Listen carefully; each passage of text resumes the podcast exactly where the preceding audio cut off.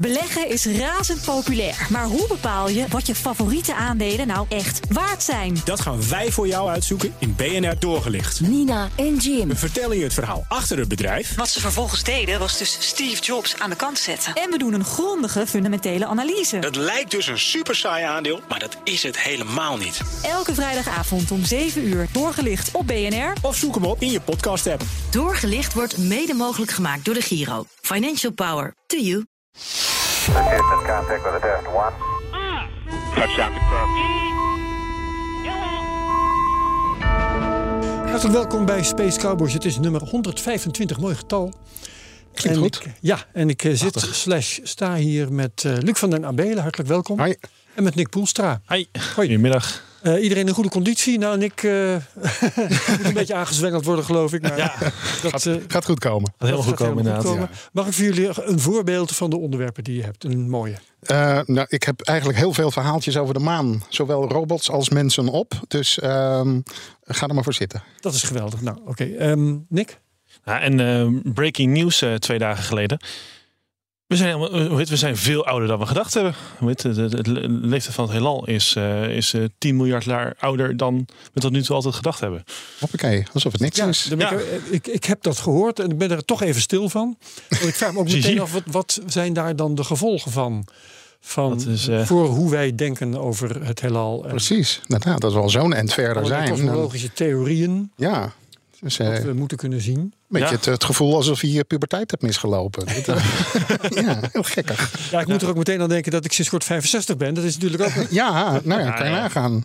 Dat je ineens eh, Mijlpaal. eh, 110 eh, blijkt te zijn stiekem. dat zou ik met één berichtje. Nee, nee. Nou ja, dus zo'n zo'nzelfde gevoel heb ik hierbij eigenlijk. Ja. Ja, ja, ja. Nou, ehm, en ik heb, eh, even kijken welke ik zal noemen van de dingen die ik heb. En Wat ik wel heel intriger- intrigerend vind, is een beetje gerelateerd aan de leeftijd van het heelal. Ik heb ehm, de ontdekking van dark stars, donkere sterren.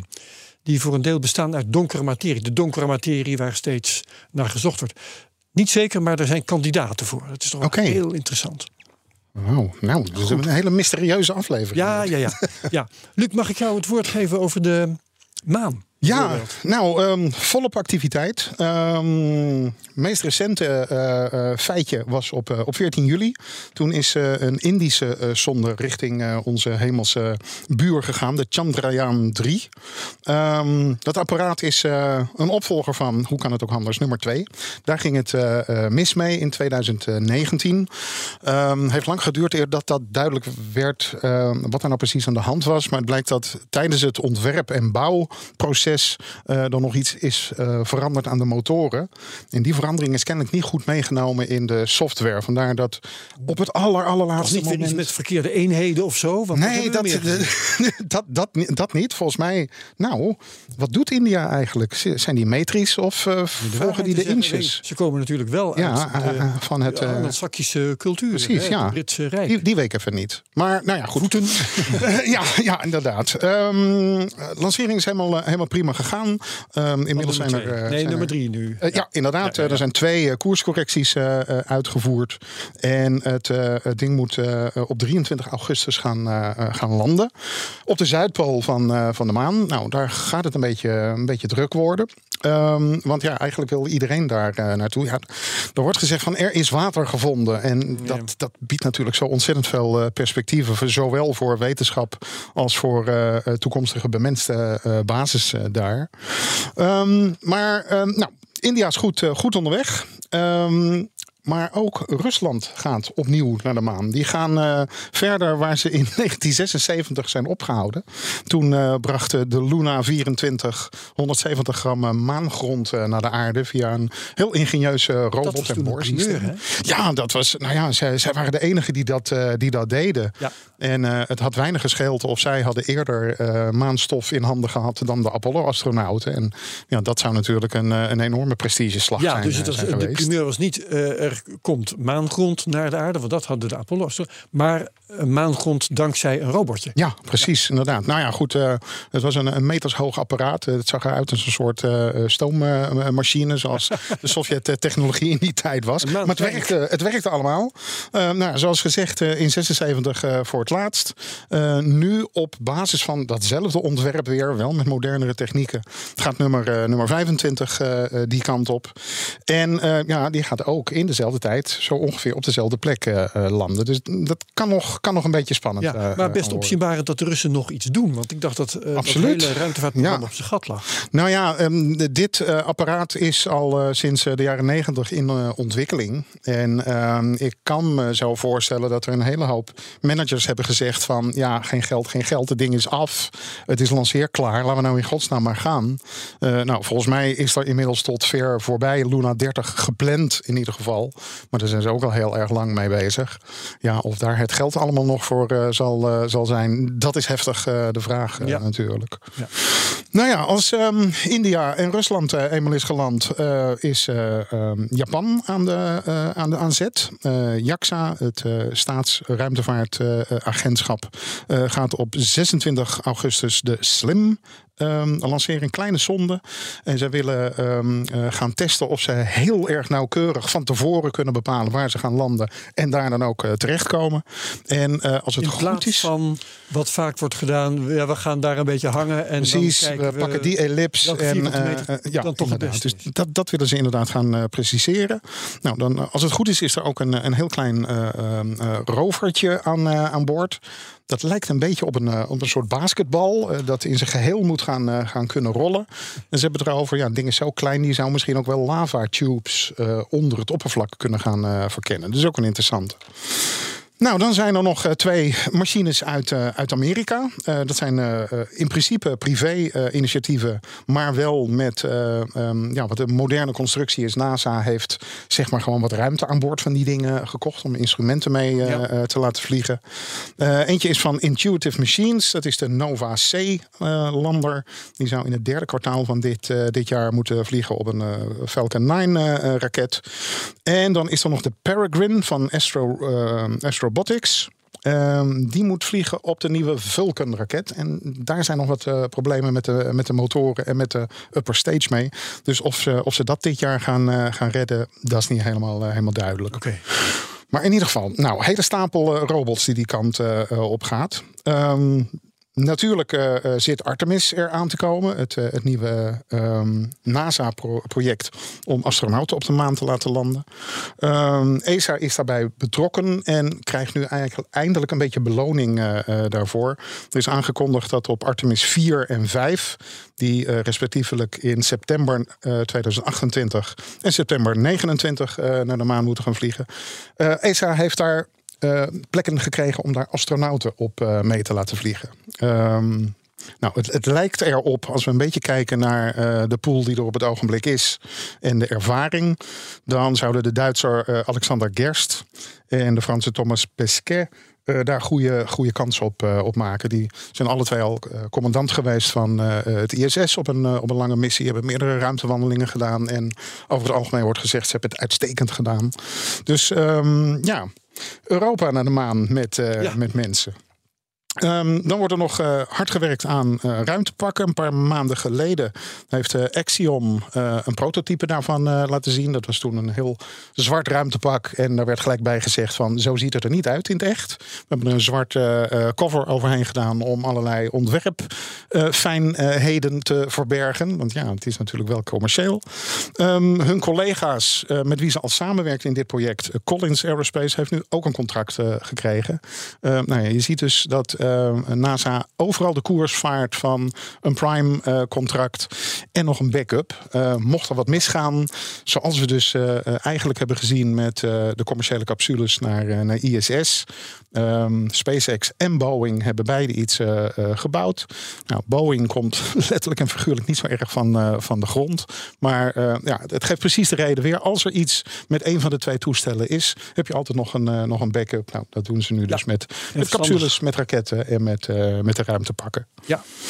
Um, nou, dan als laatste uh, China. Um, die zijn erg aanwezig in de media de afgelopen eh, maanden. Eh, ze hebben al een paar keer eh, gezegd: 2030 staan wij met, met de rode vlag op de maan met, met astronauten. En het lijkt er nu op dat ze een beetje het, het scenario hebben uitgewerkt. Ze bouwen aan een, aan een grote nieuwe raket, de Lange Mars 10. Een ding van eh, 90 meter eh, eh, hoog, kan zo'n 27 ton richting de maan sturen. En daar gaan ze twee exemplaren van eh, lanceren. Eentje met het bemanbare schip en eentje met eh, de lander. Dat moet eh, elkaar ontmoeten in een baan om eh, eh, de maan. En vervolgens eh, een landing gaan uitvoeren. En het lijkt erop dat ze bij die eerste eh, landing ook gelijk een auto aan boord eh, eh, hebben. Het is het hele pakket. Ehm gaan ontwerpjes rond van eh, een basis aan elkaar gekoppelde modules, eh, eh, rijdende laboratoria. Ehm, het zijn hele grote plannen. En er zijn steeds meer mensen die zeggen van eh, hmm, NASA moet gaan uitkijken. Ja, Want China zou het best eens een keertje kunnen gaan winnen, deze race. nou zeker. Ehm, is verder iets bekend over hun agenda? Ehm, ja, eh, wetenschappelijk onderzoek. En, Nee, ik bedoel eigenlijk, wanneer gaan ze voor het eerst landen? eh, nou ja, als we ze mogen geloven, eh, 2029. Ja. en voor die tijd zullen er vanzelfsprekend nog, eh, nog testvluchten Zes jaar na komen. nu, hè? dus dan Ja. eh, hebben we nog even om het maar zo te zeggen. precies. Maar, inderdaad, maar er wordt anders echt, dan eh, NASA zijn we de laatste tijd van China gewend dat ze hun agenda ook volgen. Ja, zeker. Nou ja, het, het, het punt is nog, en dat is natuurlijk gelijk het, eh, hetgene eh, ja, waar je er vanuit het Westen een beetje ongemakkelijk naar kan kijken. Het is vooral militair geld wat, er, eh, wat erin zit. Het hele eh, bemenste Chinese programma valt gewoon onder de People's Liberation Army budgetten. Ja, en die, die budgetten zijn enorm. Dus, en het gaat om prestige. Ehm, ja, en ze, en ze hebben al een behoorlijke reputatie van ja, datgene wat ze willen, dat doen ze. En het lukt ook eh, eh, allemaal tot nu toe. Ja. Dus, eh, Ik ben ook wel benieuwd naar een ander soort reputatie. Er zijn de nodige ruimtevaartverdragen. Ja. En ik herinner me dat ik geloof Rusland en India die nog wel geschonden hebben hè, door satellieten kapot te schieten, op die manier ruimtewapens Ja. te, te testen. Hoe is de reputatie van China op dat gebied? Ehm, ja, mm, eh, zij hebben ook eh, van dat soort eh, eh, ASAT-tests gedaan. Stond ze op heel veel kritiek toen. Ja. Ehm, nou ja, de- meer recent wordt, er, wordt er nogal wat onverantwoordelijkheid verweten eh, bij het lanceren van de, de onderdelen voor hun ruimtestation. Mhm. Het gaat met de Lange Mars 5-raket. Groot, krachtig ding. Maar de centrale trap die tuimelt gewoon op een moment terug de aardatmosfeer in. En ze zijn niet zo slim geweest om dat ding met een klein eh, raketmotortje uit eh, te rusten. Zodat hij gecontroleerd op een bepaalde plek op een bepaalde Ja. tijd eh, de oceaan induikt.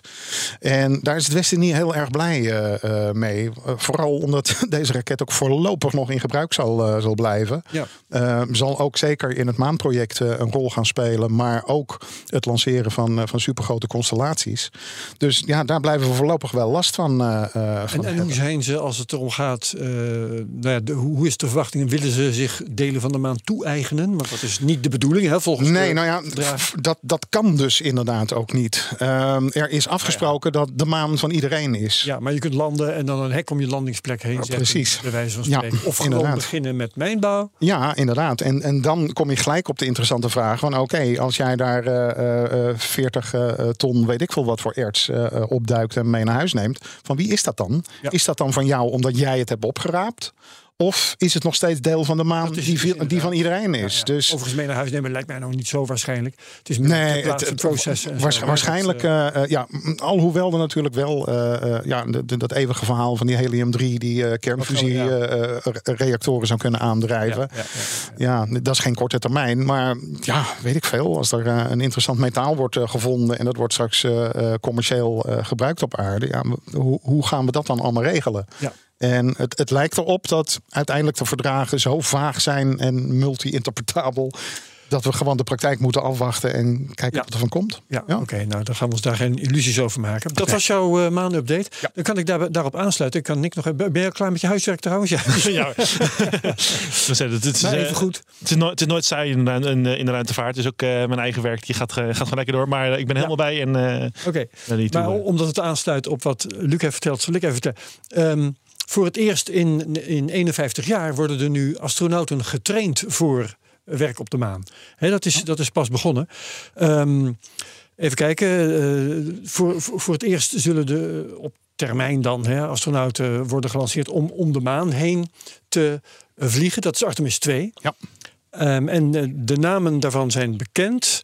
Eh, ze zijn nu pas in training gegaan. Ik moet even scrollen om die namen te vinden. Eh Reed Wiseman wordt de commandant. En de be- bemanning sta- bestaat uit piloot Victor Glover, mission specialist Christina Koch, moet je denk ik zeggen. Hè? Koek. Koch, Ja, zeg- ja.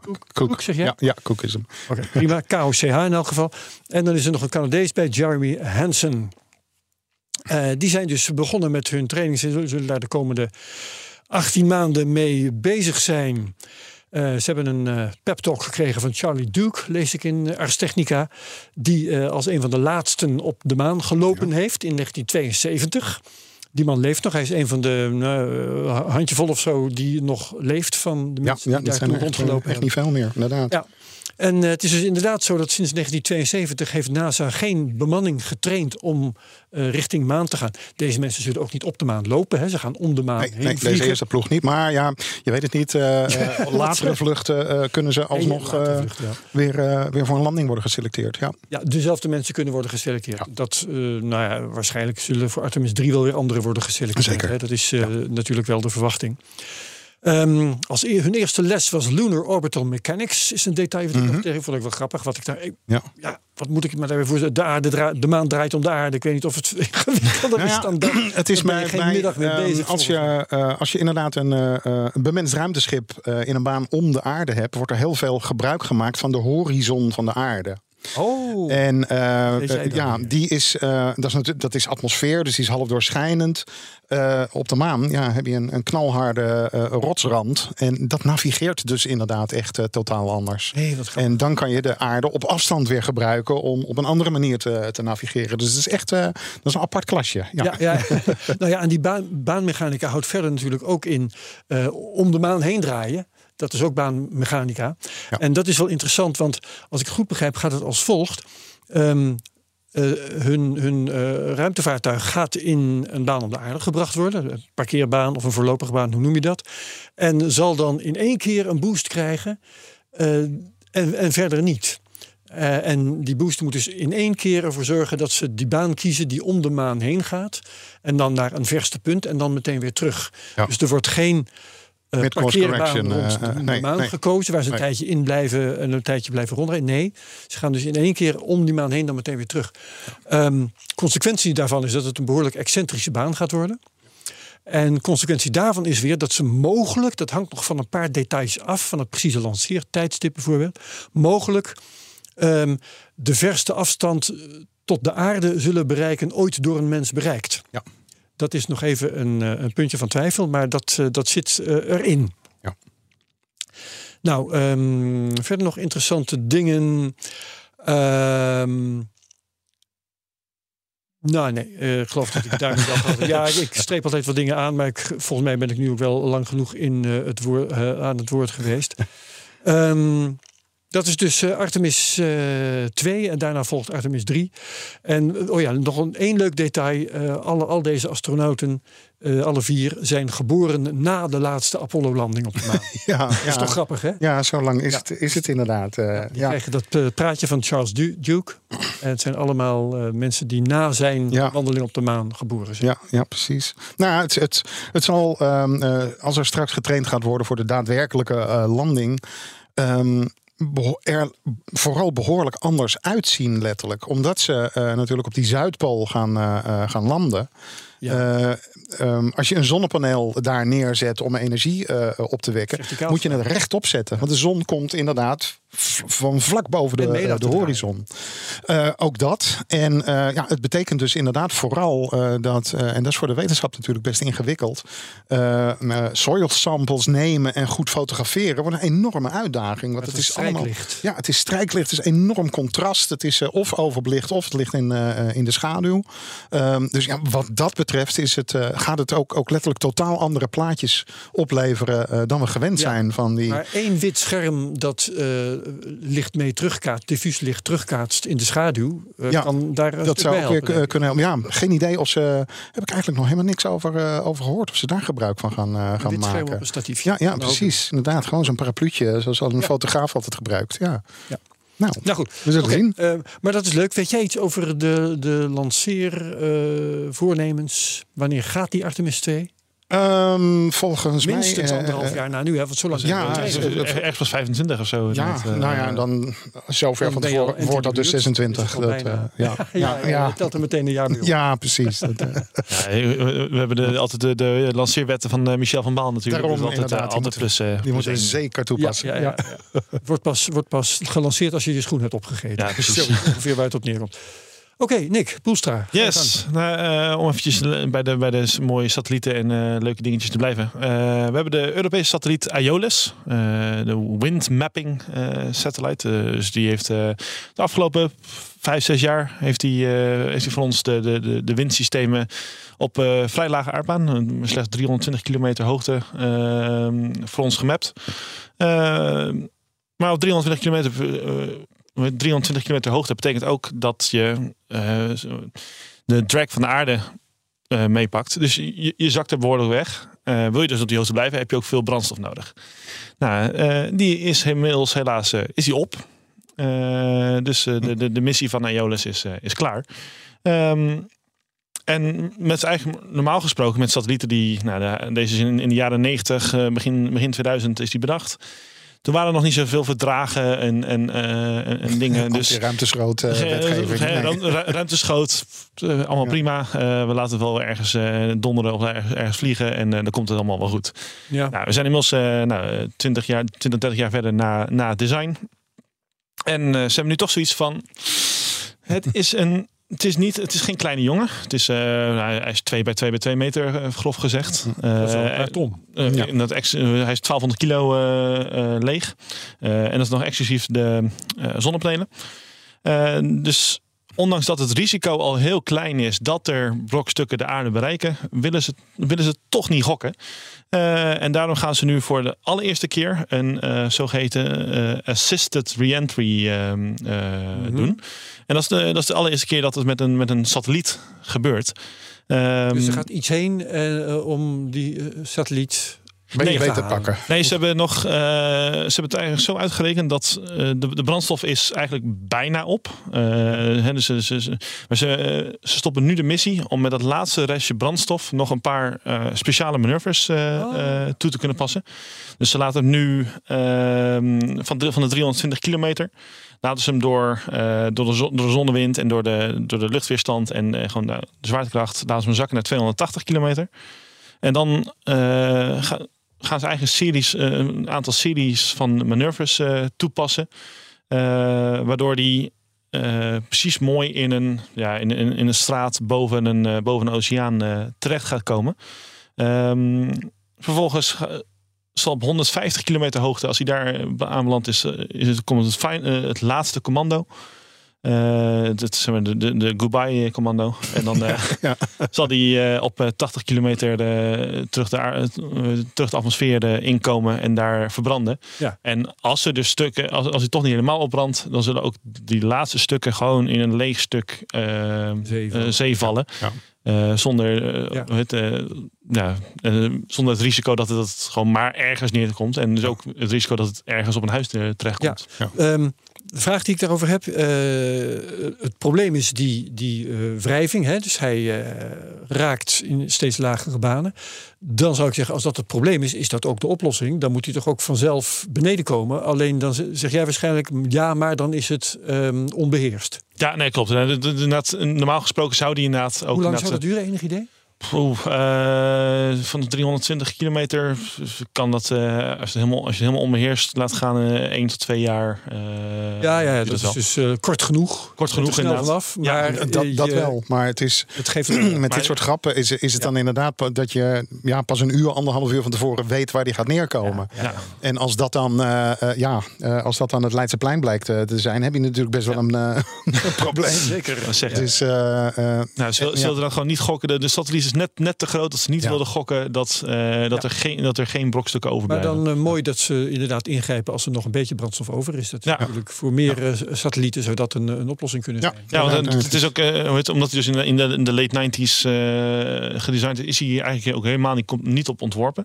Eh, maar ze weten nu dus nou, zo, toch wel zo de technieken toe te passen dat dit kan. Ja. En zet hij ook mee echt wel een, een, een, ja, een, een, een voorbeeld voor eh, toekomstige satellieten die, Ja. en diezelfde baan. Eh, En wanneer gaan die manoeuvres plaatsvinden? eh, als ik het goed heb, eh, gaat, gaan de eerste.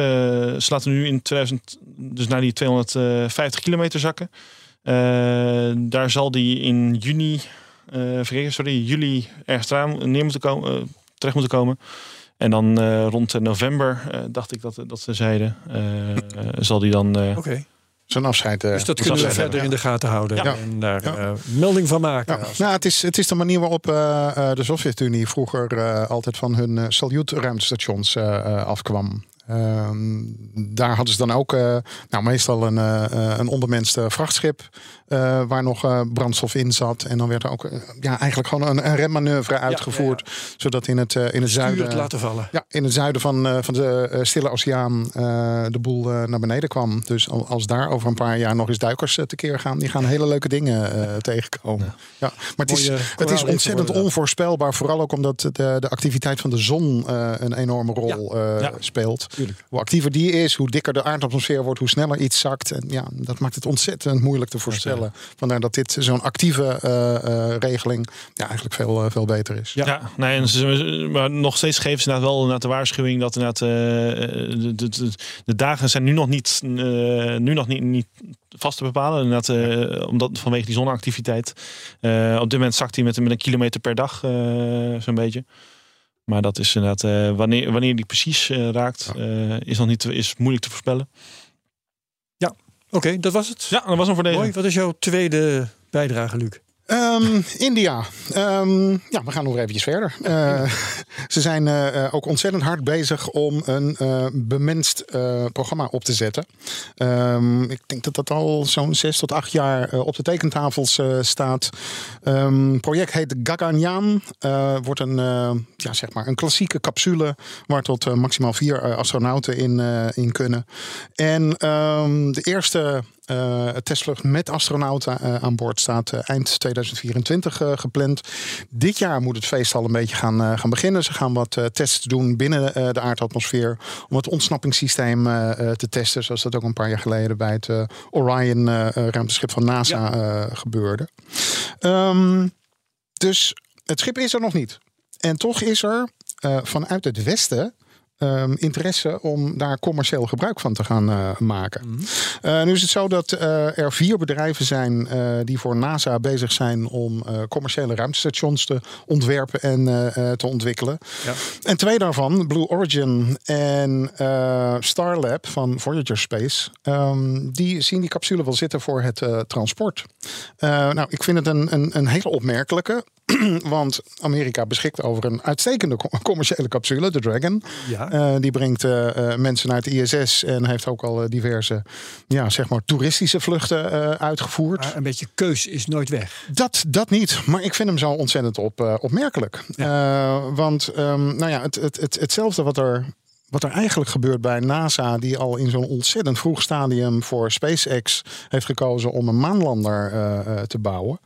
Ehm, ja, je neemt natuurlijk wel een bepaald risico. Want voor je het weet heb je jaren en jaren eh, vertraging. Nou ja, dat, is al aan het, aan het optreden. Ehm, bovendien. ehm, Het- het risico dat het mis zou gaan met zo'n Indiaanse la- lanceeroptie. Maar dan kun je toch altijd zeggen, nou Elon Musk, doe jij het misschien toch maar even. Ja, maar ik had, Dat- juist omdat het Amerikaanse bedrijven zijn, eh, had ik eh, de redenering andersom eh, verwacht. Van, joh, Musk, doe jij het voor ons? En we doen ook nog een contractje met, met India als backup. Ik vind, Ja. ik vind het zo opvallend dat ze niet voor Ameri- een Amerikaanse machine kiezen. Daarbij Ehm, India wordt natuurlijk niet echt tot de westerse landen eh, gerekend. Eh, we weten ook dat eh, Israël het. Maar ehm, India is volgens mij wel het meest westerse van de niet-westerse landen. dat wel. Maar niettemin hebben ze ontzettend veel met de Russen samengewerkt om Oh, deze. Gaganyaan-capsule te Niet ontwikkelen. met China in elk geval. En, nee. en nou, ze zijn ook een, jaar of wat geleden afgestapt van ehm, eh, het concept van een, een eigen ruimtepak. Ze gebruiken nu gewoon het ruimtepak wat de Russen eh, voor de Soyuz eh, gebruiken. Dus ja, ook vanwege die connectie vind ik het, vind ik het een, hele, een hele opmerkelijke. Ehm, nou, ik, eh, ik, ik wens ze het beste. En hoe meer astronauten de ruimte ingaan, hoe blijer ik, ik word natuurlijk. Maar ik vind, ik vind het een opvallende. Dus ik Ja. ben, ben heel erg benieuwd wat eh, ehm, eh, precies de, de details van deze contracten gaan, gaan worden. En waar, waar we uiteindelijk op, op uit gaan komen. Vooral ook omdat. Eh, Blue Origin, eh, ja, die is natuurlijk ook met eigen eh, schepen en zaken bezig. En ehm, hebben de laatste jaren een hele hoop van die mooie artist impressions laten zien. Waar Dream Chaser, een mini-shuttle, het toestel was wat de astronauten aan boord zou moeten gaan Met andere woorden, had dit ook Dus- wel willen doen, bedoel jij? Eh, ja, ja, dus nou ja, misschien dat we het, eh, de achtergronden van het verhaal de komende tijd nog eh, gaan, eh, gaan horen. Ja, en als je dat hoort, dan vertel je het ons. Reken maar. Mag ik, Ja, oké, goed. Top. Ehm, mijn, mijn tweede ding dat eh, komt uit de James Webb-telescoop, waar wij, zoals jullie weten, een abonnement op hebben. Zeker. Die heeft nu drie kandidaten gevonden voor het fenomeen van de dark stars, de donkere sterren. En dat zijn sterren die eh, niet bestaan uit donkere materie, maar waar, waar wel donkere materie een, een rol bij speelt. Het, eh, het zijn gewoon samenklonteringen, de- deels van, van gewone materie. En die kunnen ook gewoon opgloeien.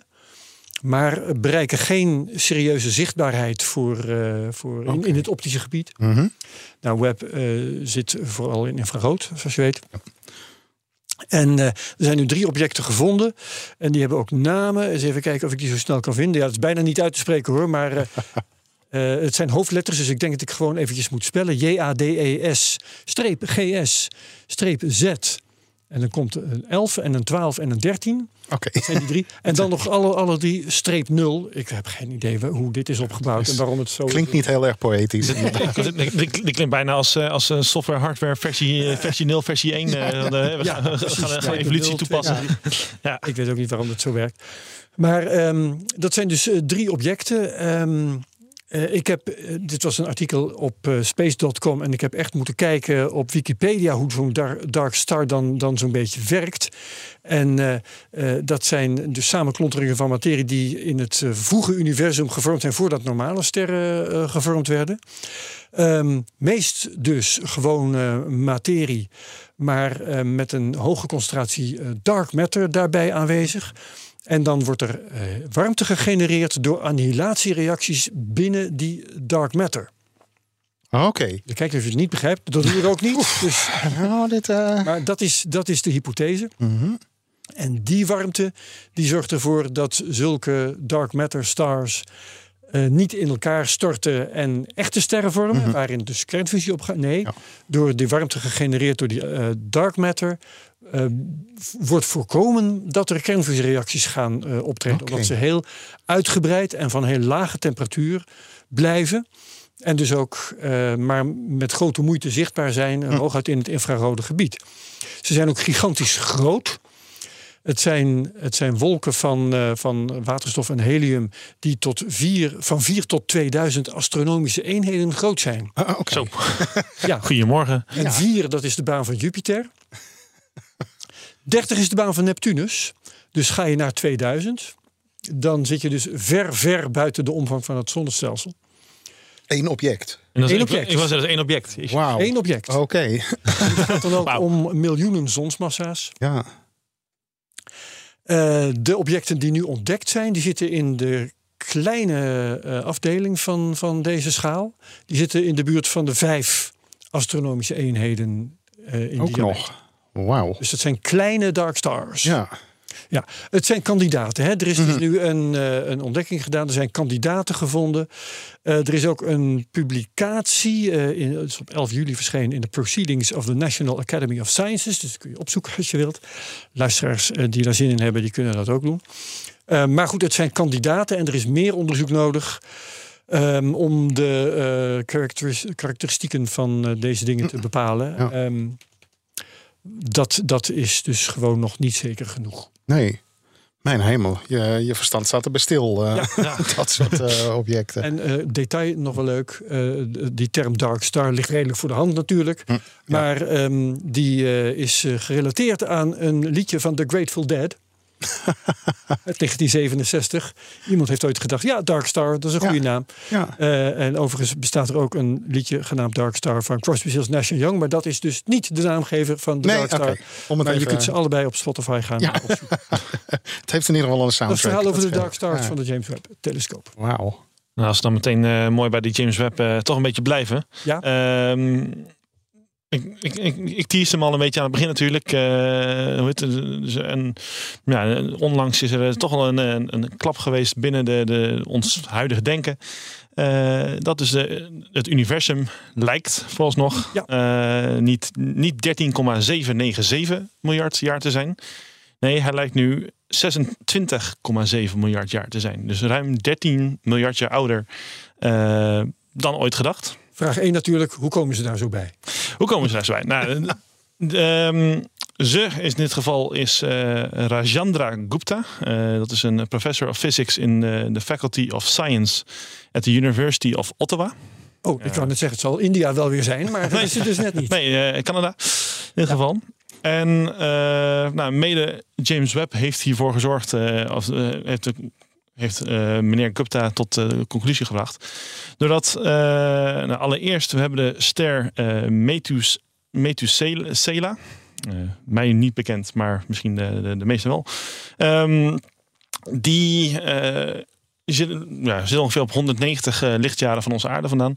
Maar die lijkt volgens schattingen lijkt die ouder te zijn dan ons, dan ons, ons heelal. Nou, en dat is al natuurlijk al, Ja. al punt 1 waarvan ik denk van hey, een, een zoon kan ook niet ouder zijn dan zijn vader. Eh, Nee, in dit geval is ook een ster niet ouder dan, dan het heelal. Nou, en ook eh, James Webb telescoop heeft, doordat hij dus zover terug kan kijken, ehm, bepaalde hoe heet, eh, meerdere galaxies gevonden. Die zo'n 300 miljoen jaar na de Big Bang zouden moeten zijn ontstaan. Alleen die zijn op zo'n ja, op zo'n level van ontwikkeling Ontwikkeling, ja. dat, ze, eh, dat die ook ouder moeten zijn dan de 13,8 miljard jaar die we tot nu toe aanhielden. Ehm, ja, uiteraard met, met, met een hoop eh, redshifts waar eh, Marieke en, en Mark meer over kunnen vertellen. Ehm, is, is nu dus de conclusie gekomen eh, dat ondanks dat in 2021 die 13,797 miljard jaar bepaald was, dat we nu twee jaar later, eh, in ieder geval meneer Gupta, in ieder geval de- denkt, nee, we zijn geen 13,8 13,8 miljard, maar 26,7 miljard jaar Ja, oud. Als, als ik de, de stappen probeer te volgen, dan denk ik, ze hebben die, eh, die ehm, sterrenstelsels gevonden. Op basis van de redshift eh, vinden ze een leeftijd die voor dat sterrenstelsel in aanmerking zou moeten komen. Dan gaan ze kijken wat zitten daar voor sterren in.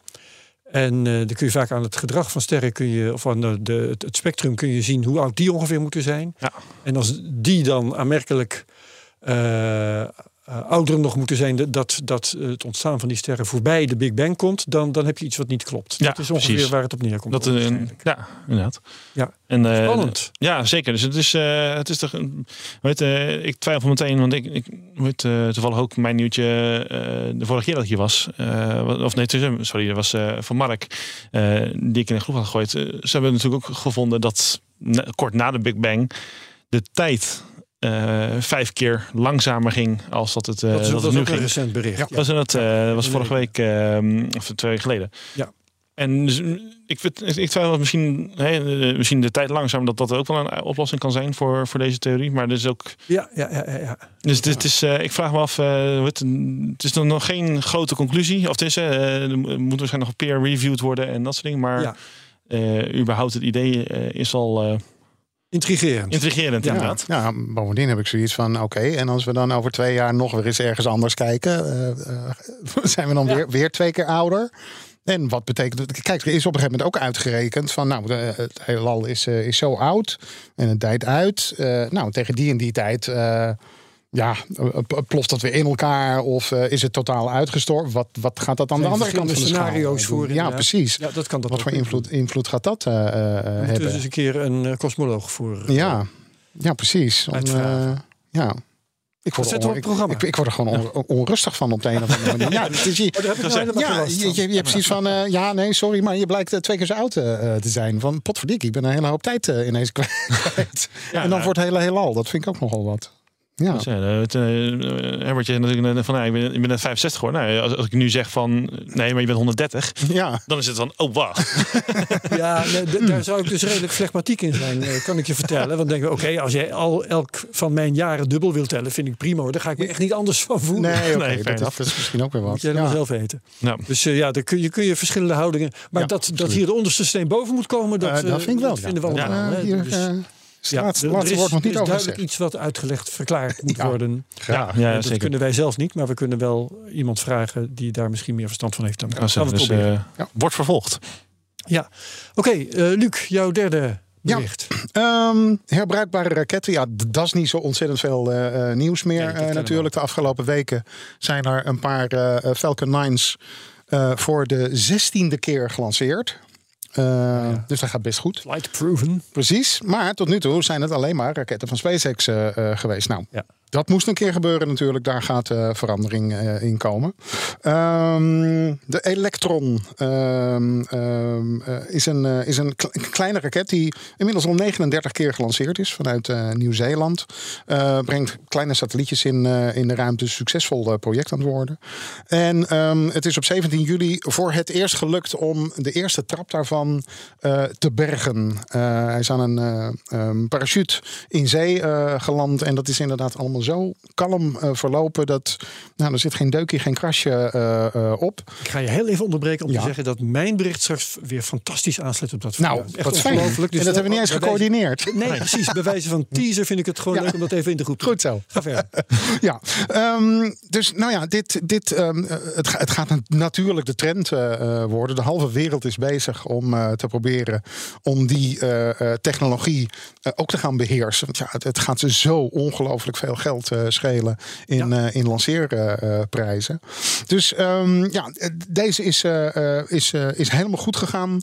Ehm, natuurlijk, er zijn kandidaten die al heel erg lang theoretisch aan, aan de deuren robbelen. om van Blue Origin de New Glenn maar eens te noemen. Zeker, ja. Ehm, nou ja, zoals wel eens een keertje eerder gezegd, zo open als bij, eh, bij SpaceX gebeurt. Zo ontzettend gesloten is het bij eh, Blue Origin. We, we hebben wat testmodellen van die raket gezien. En verder nog helemaal niks. Terwijl ze al een paar jaar aan het bouwen eh, zijn. Eh kwam deze week nog wel weer een, een, een tekeningetje naar voren. Die iemand had gevonden in een patentaanvraag.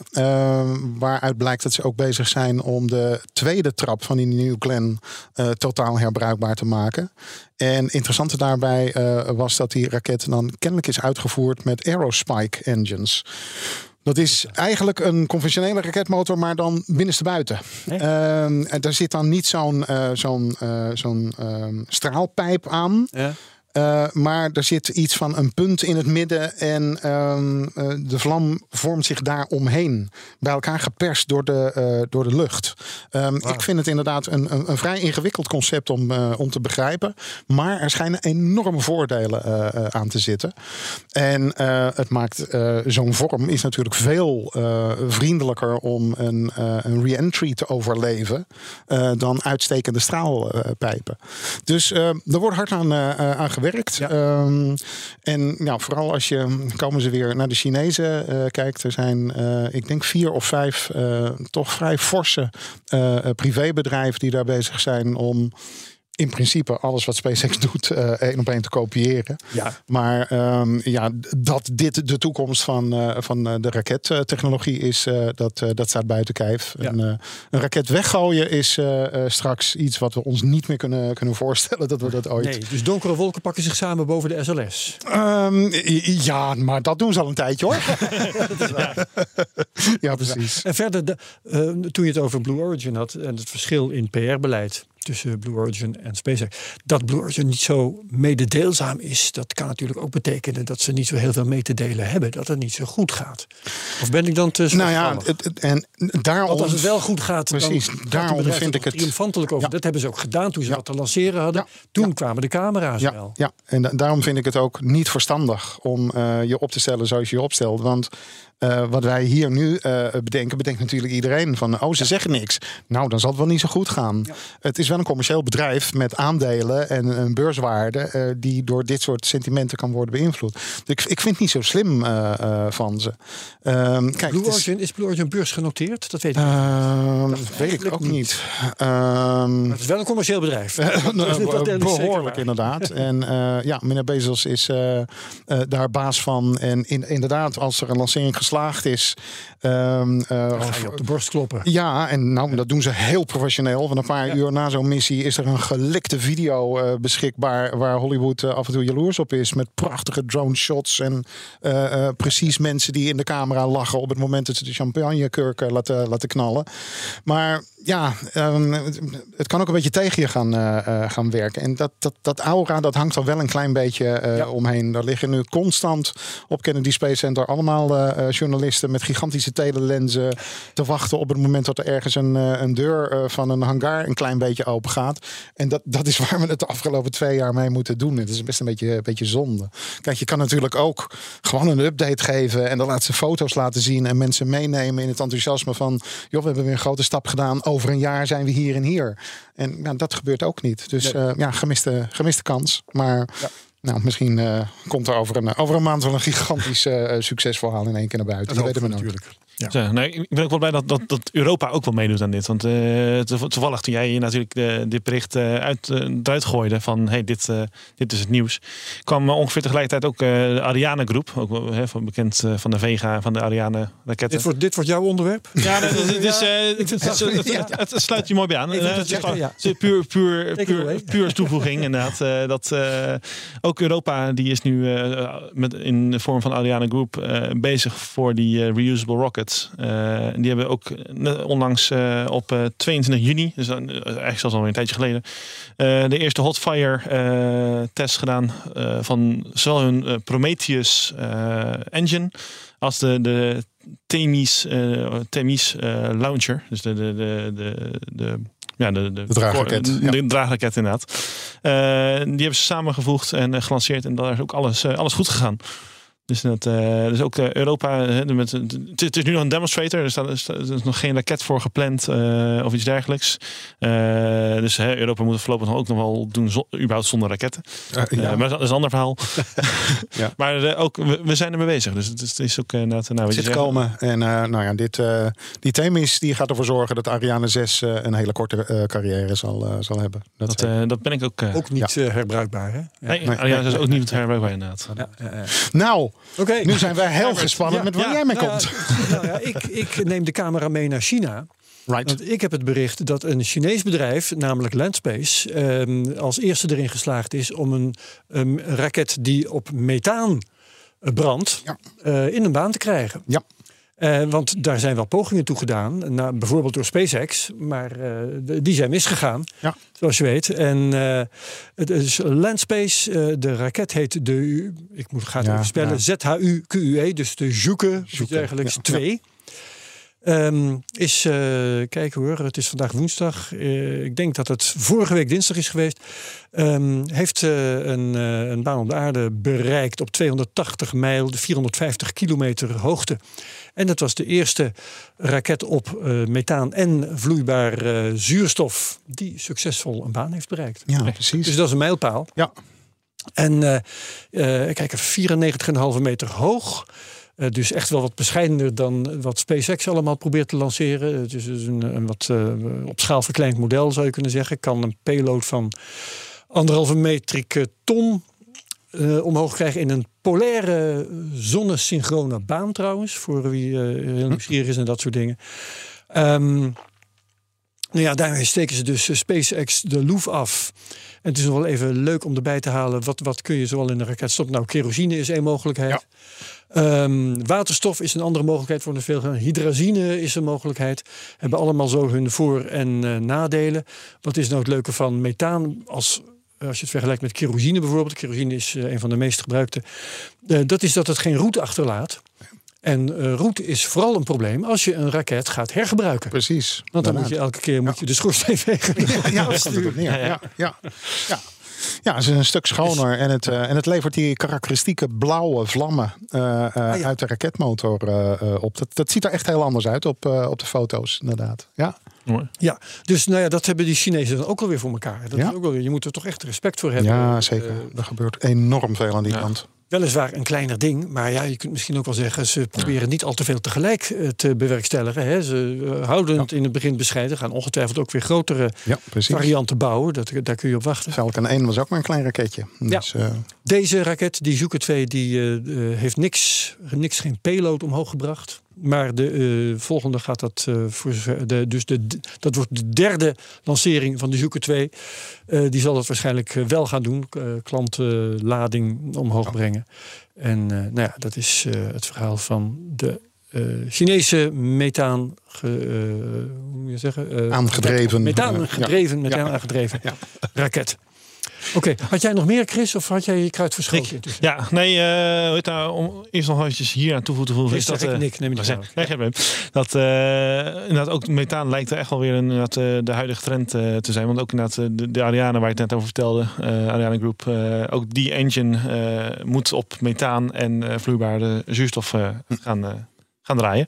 Dus dat is inderdaad eh, een goed, eh, goede ontwikkeling, denk ik. Ja. Ja. Maar eh, als, ik heb inderdaad nog één leuk an- ander onderwerpje. En dat is meer eh, eigenlijk de andere kant op. Want we hebben nu over, veel over raketten. Dus die, die brengen, de, de- brengen heel veel spullen de ruimte in. Maar uiteindelijk moeten wij hier op aarde eh, moeten we die eh, moeten we de satelliet ook kunnen gebruiken. En ehm, we hebben al heel lang het gevoel dat, dat vol- vliegtuigen en alles zou veel, soepeler kunnen en veel eh geoptimaliseerder als we satellietdata gebruiken en, en, en gewoon echt eh, GPS en Gal- Galileo navigatie.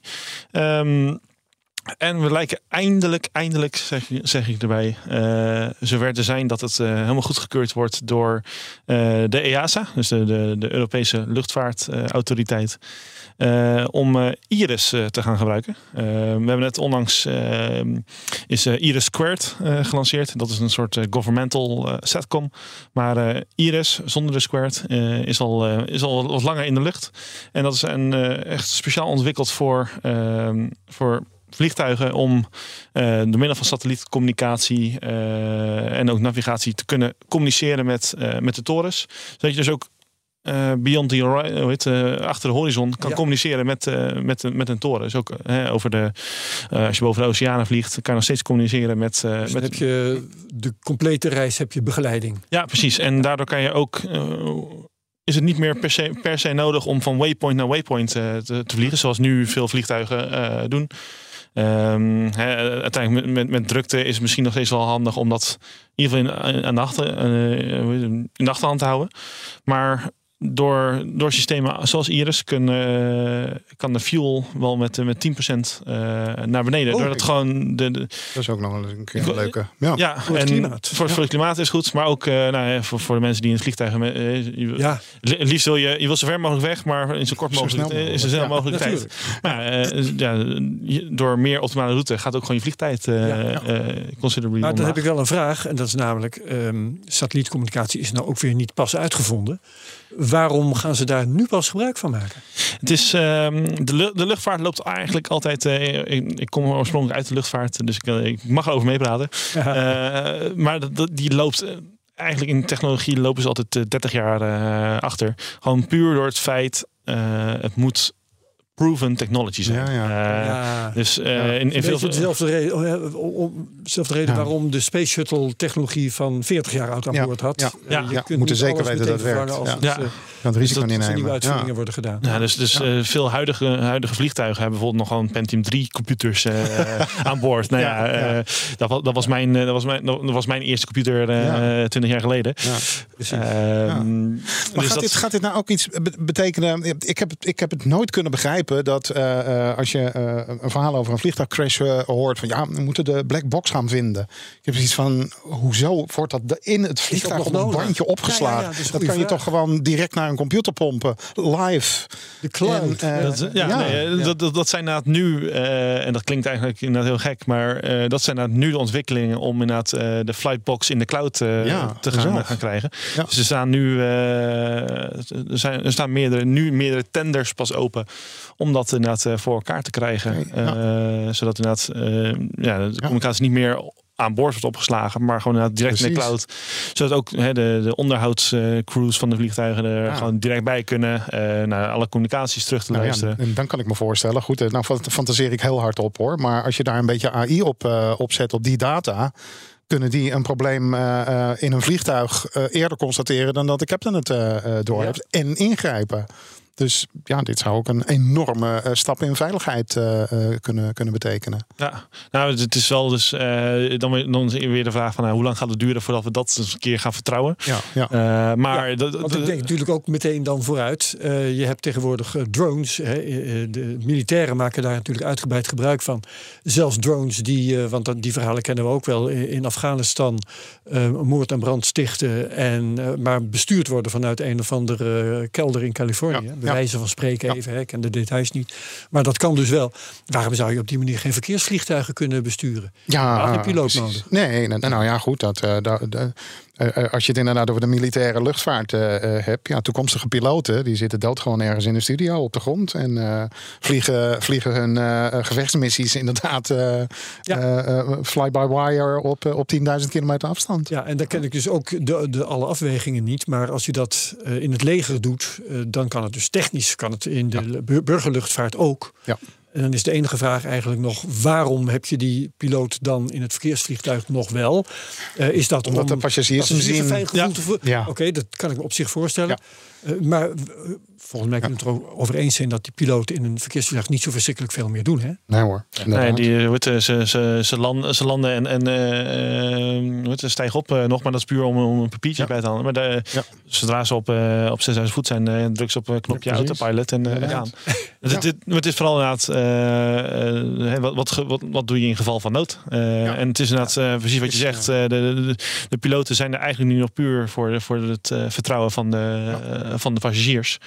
Ehm, en zelfs ook daar hebben Boeing en Airbus hebben totaal verschillende filosofieën. Ehm, Boeing stel- stelt nog altijd eh, de piloot eh, bovenaan. Ja. Dus als, eh, als de computer eh, rechts zegt en je piloot zegt links, dan gaat het vliegtuig linksaf. Airbus is precies andersom. Die, die, stellen, die, stellen, die stellen al de, de, de computer boven de piloot. Ja, en voor allebei valt wel iets te zeggen. Ja. hè? Ja, ja. eerlijk zijn. Ja, precies. Dus het zijn, zijn, zijn twee complete filosofieën, eh, verschillende filosofieën. Dus dat, eh, Ja. Maar goed, dat is dus dat, een beetje eh, afdwalen. Valt een beetje Ja. buiten de stek van dit programma. ik wou zeggen, de, Ja, so- ja. sorry, luchtvaart in plaats van ruimtevaart. Maar, Ja, maar die, die satellietcommunicatie die eh, dringt nu dus door Ja. op de burgerluchtvaart. En dat gaat leiden tot minder brandstofverbruik, kortere vluchten, eh, meer comfort, eh, weet ik veel. Ja, en, eh, en, en dus, eh, dus waarschijnlijk dus die eh, flybox in de cloud. eh in die hand. ja, Dus dat, eh, briljant. Ja. Goed. Nog andere overwegingen daarover, eh, details? Ehm, nee, eigenlijk niet. Nee, mooi. Nee. Goed. Nou, eh, we hebben een heel klein beetje tijd over. Een van jullie nog iets leuks te melden? Eh, nee, niet iets leuks. Eh, maar wel iets wat me enorm opviel. Vandaag Ja. een, eh, een berichtje. Ehm, wij hebben het hier in het verleden vaak gehad over meneer Rogozin. Ja. De ex-directeur van Roscosmos. Zeker. Eh, die van die post is verdwenen. Werd toen een soort speciaal bevelhebber in Oekraïne voor meneer Poetin. En hij heeft kennelijk eh, gisteren weer van zich ehm, eh, doen spreken. En hij zegt, eh eh, Roscosmos, moeten jullie niet eens gaan bekijken... of jullie eh, je ruimteraketten ook kunnen gebruiken om Oekraïne mee te bombarderen? Oh, leuk. Ehm, en er schijnt over gepraat en gedacht te worden. Ehm, nou is het zo dat het werkpaard van de Roscosmos, de Soyuz-raket, destijds inderdaad gewoon als intercontinentale ballistische raket is ontwikkeld. Is het zo? Ehm, komt wel heel veel bij, kijken, wil je ze nu daarvoor inzetten. Maar Wat een dure ICBM. Eh, een hele dure. En ehm, eh, ja, het is, het is niet te hopen dat dit plannetje uitvoer krijgt. Want dat zou natuurlijk de internationale betrekkingen, eh, vooral met, met NASA, ongelooflijk op scherp De samenwerking in de ruimtevaart Ja, in dat geval is dat. dan is dat, dan is dat afgelopen. Als, als Roscosmos, Roscosmos zich gaat bezighouden met militaire missies, is het snel afgelopen, denk ik. Ja. Ja, ja. Dus nou ja, niet leuk, maar wel eventjes iets om eh, in de gaten te Ja, houden. nou oké, dank voor deze update. Nou, dan zijn we er doorheen, denk ik. Hè? Kijk, Ja, even de kring nee. rond. Mooi. Nou, dan was dit Space Cowboys nummer 125. Dank Luc van den Abelen. Dank Nick Poelstra. Ja, graag gedaan. Mijn naam is Herbert Blankenstein. Eh, allemaal graag gedaan. Eh, dank luisteraars voor het luisteren. En heel graag tot over twee weken bij de volgende Space Cowboys. Hoi. Tot ziens. Hoi.